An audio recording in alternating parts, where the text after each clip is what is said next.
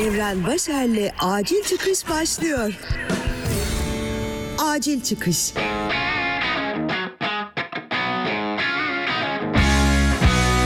Selam sevgili dinleyen ben Evren Başar. Acil Çıkış'ın 69. bölümünü dinliyorsun. Acil çıkış. Ne biçim ara verdim yalnız acil çıkışa ama ben bile şaşırdım bu sefer. Kaç defa başına oturdum, oturdum da kalktım ama olmadı. Tek kelime çıkmadı ağzımdan. Burası benim rahatlık alanımdı. Neden kendime bir iş, yapılması gereken bir zorunluluk hissi yükledim de ben bunu yapamayacağım hissine kapıldım? Bilmiyorum. Üstüne düşündüm ama bulamadım. Düşünüp düşünüp bulamamanın ilacı her zamanki gibi ne olursa olsun harekete geçmek. Karanlıkta korkunca bir inat gelmesi ve karanlığa doğru yürüyüp korkunla yüzleşmen gibi. Ben de bu şekilde oturdum mikrofon başına. Aslında mikrofon başına oturabilmemin korkumla yüzleşmek dışında iki sebebi daha var. Birincisi Son zamanlarda birçok ortamda bulundum ve bu ortamlarda en az bir kişinin podcast'te ne zaman devam edeceksin diye sorması oldu. Bir yerlerde birileri anlatacağım şeyleri merak ediyor ve demek ki umursuyorlardı. Yoksa neden sorsunlar? Bu da beni mutlu etti. Kendilerine soran herkese çok teşekkür ederim. Bana da ayrıca bir motivasyon sağladı. Diğer bir konuysa anlatacak hikayelerimin olması. Hikayelerimizin bilinmesini ister ve bunların değerli olduğuna inanırız. Bir hikayemiz olmadığını anlamak, varlığımızın anlamsız olduğunu fark etmektir. Bunu kaldıramayabiliriz diyor Robert Fulford Anlatının Gücü isimli kitabında. Dikkatimi çeken altını çizdiğim bir cümleydi bu. Benim de şu anki durumuma uydu. Anlatacak bir hikayem yok gibi geliyordu uzun süredir ve varlığım bu yüzden anlamsızlaşmaya başlamıştı. Ama bu uzun arada anlatacak ne çok şey varmış diye de düşünmeye başladım. En önemlisi de uzun bir yolculuğa çıktım. Bu iki haftalık seyahat ve araba yolculuğu içeren durumda evren üstüne hem düşünecek vaktim hem de güzel içerikler tüketecek anlarım oldu. İşte şimdi geldik buradayız. Nereden başlayacağımı tam kestiremiyorum ama yolculukla başlayayım. Yolculukta aldıklarımı, öğrendiklerimi paylaşayım her zaman yaptığım gibi. Nisan ayının ikinci haftası şöyle bir kafa dinlemek, yeni hikayelerin peşine düşmek ve bazı güzel arkadaşlarımı görmek için Vancouver'a uçak bileti aldım. Oradaki anları hem Kanada Geyikleri Instagram hem de YouTube kanalındaki videolarla anlattığım anlatmaya devam edeceğim. O yüzden bu kısmı burada geçiyorum. Dönüş için uçak biletim vardı ama bağlantılarım sayesinde hayat bana şöyle bir seçenek daha sundu sevgili dinleyen. British Columbia eyaletinin Kamloops şehrinde bir araba var ve bu arabanın Montreal'e getirilmesi gerekiyor. Hazır sen oradayken getirir misin sürerek şeklinde bir seçenek bu. Böyle teklifleri genelde bir saniye bile düşünmem. Tabii ki getiririm şeklinde başlayan süreç sonucunda kendimi yepyeni bir deneyimin ortasında buldum. 4200 kilometresi araba sürerek 540 kilometresi de trenle biten bir deneyim bu. Kısacası neredeyse Kanada'yı baştan sona arabayla toplam 6 günde 6 eyalet görerek geçirdiğim bir macera. Önce Vancouver Kamloops arası bir uçak bileti aldım.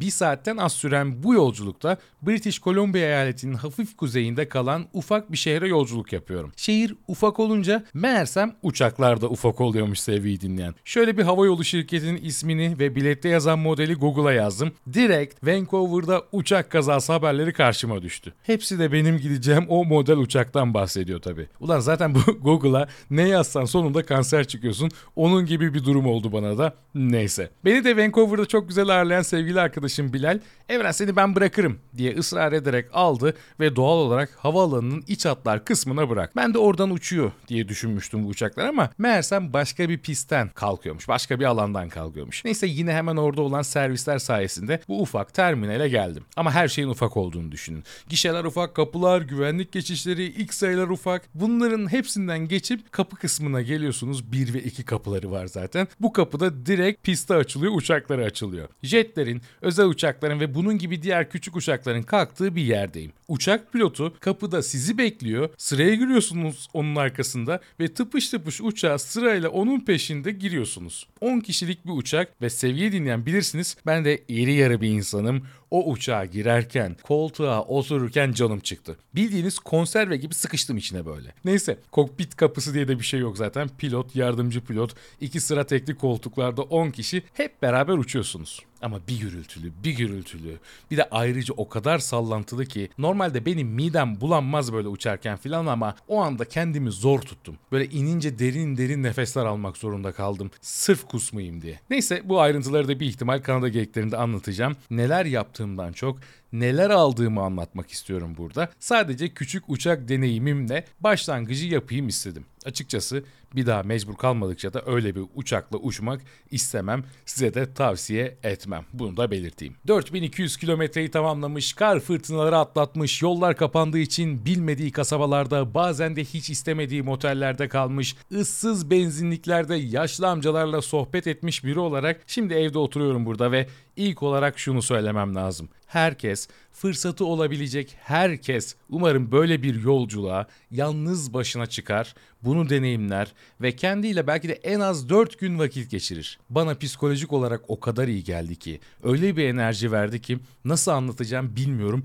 ama deneyeceğim. Yorucu muydu? Evet, bayağı yorucu oldu. Uzun süreleri dikkatin dağılmadan genelde karşılıklı trafikli, tek şeritli yollarda geçirdim. Ama biliyor musunuz? Sürerken bir dakika bile sıkılmadım. Saskatchewan ve Manitoba Kanada'nın ortasında soğuk, donuk ve yolda sadece beyaz bir çöl görebileceğiniz eyaletler. Bu yüzden güneş gözlüğü bile almak zorunda kaldım. Çünkü kardan artık gözlerim kamaştı. Ama yolda dinlediğim kitaplar, podcastler, kulak verdiğim YouTube videoları, keşfettiğim yeni şarkılar sayesinde de Orta Kanada bile bana sıkıcı gelmedi. Bunları yapmadığım anlarda da sadece düşündüm. Bazen hayatım ve kendim, bazen de dinlediklerim, tükettiklerim üzerine. Çünkü vaktim vardı. Gerçekten kendinle baş başa kalabileceğin uzun bir süreden bahsediyorum. Normalde bir kitabı okuduktan sonra, bir programı izledikten sonra onun üzerine düşünecek vaktimiz olmuyor. Hayat hızla devam ediyor, yeni şeyler yapıyor ve tükettiğimiz şeylerin çoğunu unutuyoruz. Ama başta dediğim gibi bunları tükettikten sonra üzerine düşünecek, süzgeçten geçirecek vaktiniz olunca hepsinin tadı bir başka oluyor. Şarkıların sözleri üzerine bile düşünebiliyorsunuz.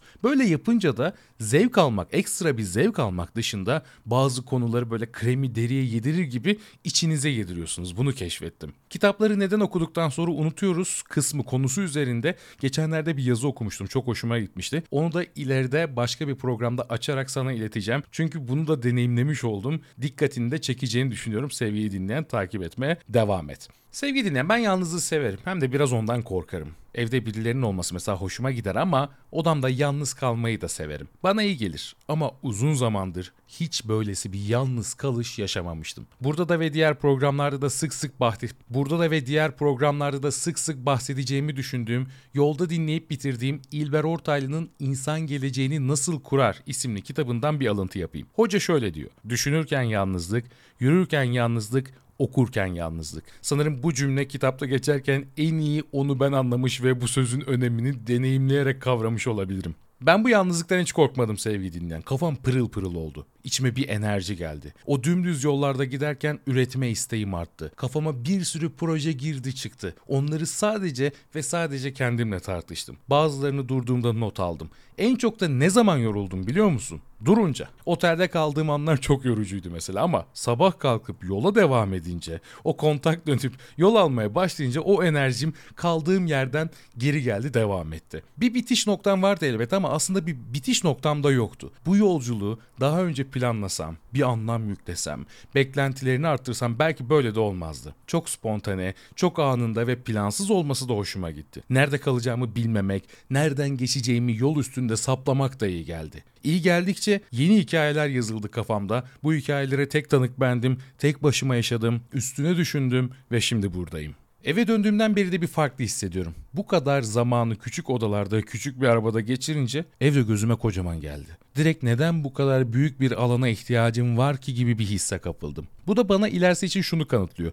Demek ki büyük yaşam hayalim yok. Büyük yaşam dediğim büyük evler, büyük sorumluluklar, büyük olan ne varsa. Tabii hayat bu. Karşıma farklı hikayeler çıkar. Kendimi büyük şeylerin içinde bulabilirim. Bundan kaçmaktan bahsetmiyorum. Bunlardan kaçınmaktan da bahsetmiyorum. Sadece şunu unutmayayım. O büyüklükler beni bulursa sakın korkma. Her zaman hatırla küçük hayatların içinde de ne kadar mutlu olabildiğini, olabileceğini unutma. Bir şeyleri kaybedeceğin stresine girme diyorum şimdi kendime. Bunun altını çiziyorum. Şimdi biraz başa döneyim hikayeler kısmına. Geçen akşam 3 arkadaş buluştuk. Eray İrlanda ve İskoçya gezisinden, İsmet de Küba tatilinden yeni döndü. Hemen hemen aynı zamanlarda geldik Toronto'ya. Paylaşacak, anlatacak o kadar çok şey vardı ki masada. İşte yolda olmanın, bir yerlere gidip hikayeler biriktirmenin en güzel kısmı da bu. Anlatacak şeylerimizin olması. 3 hafta önceye kadar buluştuğumuzda belki hep aynı şeyleri konuşuyor, aynı konular üzerinden dönüyor ya da geyik yapıyorduk. Fakat bu sefer o sofrada paylaşacak bir sürü sürü yeni şey vardı üçümüzün içinde de.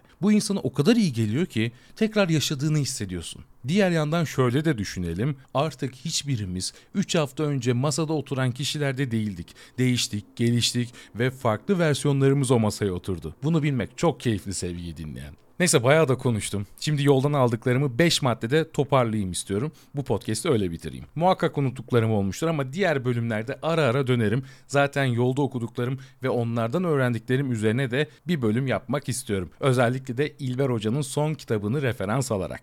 Yoldan kendime aldıklarım listesi. 1 düşünebilmek. Hayatın hakkında, okudukların, dinlediklerin, tükettiklerin hakkında sakince, acele etmeden düşünebilmek. 2. Düşünürken yalnızlık, yürürken yalnızlık, okurken yalnızlık. Belli bir süre kendinle yalnız kalmak, kendine dair çok öğretici. Bir nefes alma anı bu. Tabi altını çizeyim bu kısa bir süre. Uzun süreler yalnız kalmanın da bence sakıncaları var. Her şeyin fazlası zarar diyerek bu maddeyi tamamlayabiliriz. 3. Yapacağın yolculuklara anlam yüklememek, beklentilerini arttırmamak da önemli. Böyle olunca hayal kırıklıkları seni bulabilir. Ben kendimi keşfedeceğim. Ben bir yolculuğa çıkacağım. Bunu baştan sonra planlayacağım. Şunlar üzerine kesin düşüneceğim gibi baştan sona planlı bir yolculuk belki bendeki etkileri bırakmayabilir. Hoş belki bunu sana söylemem de yanlış ama aslında bunu kendime söylüyorum. Sonuçta herkesin yolculuğu kendine, alacağı şeyler, yaşayacakları farklı, asla aynı deneyimlerden ve hatta aynı yollardan da geçmeyeceğiz. Sadece böyle bir yolculuk düşünüyorsanız biraz akışı yola bırakmanın da yararlı olabileceğini söylemek istiyorum.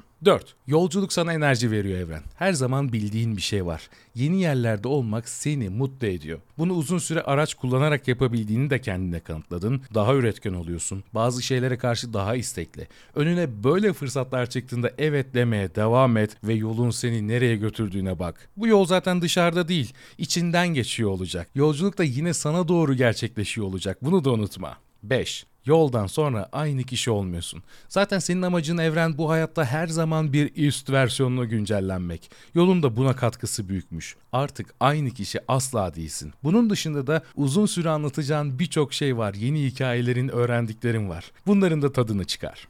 Benden şimdilik bu kadar sevgili dinleyen. Uzun bir aradan sonra seninle buluşmak iyi geldi. Başka bir bölümde görüşmek üzere. Bu bölümü sosyal medyada paylaşmak istersen ya da Spotify üzerinden beni takip alırsan ne de güzel olur diye düşünmekteyim. Sevgiyle kal. Evren Başer'le acil çıkış sona erdi. Acil çıkış.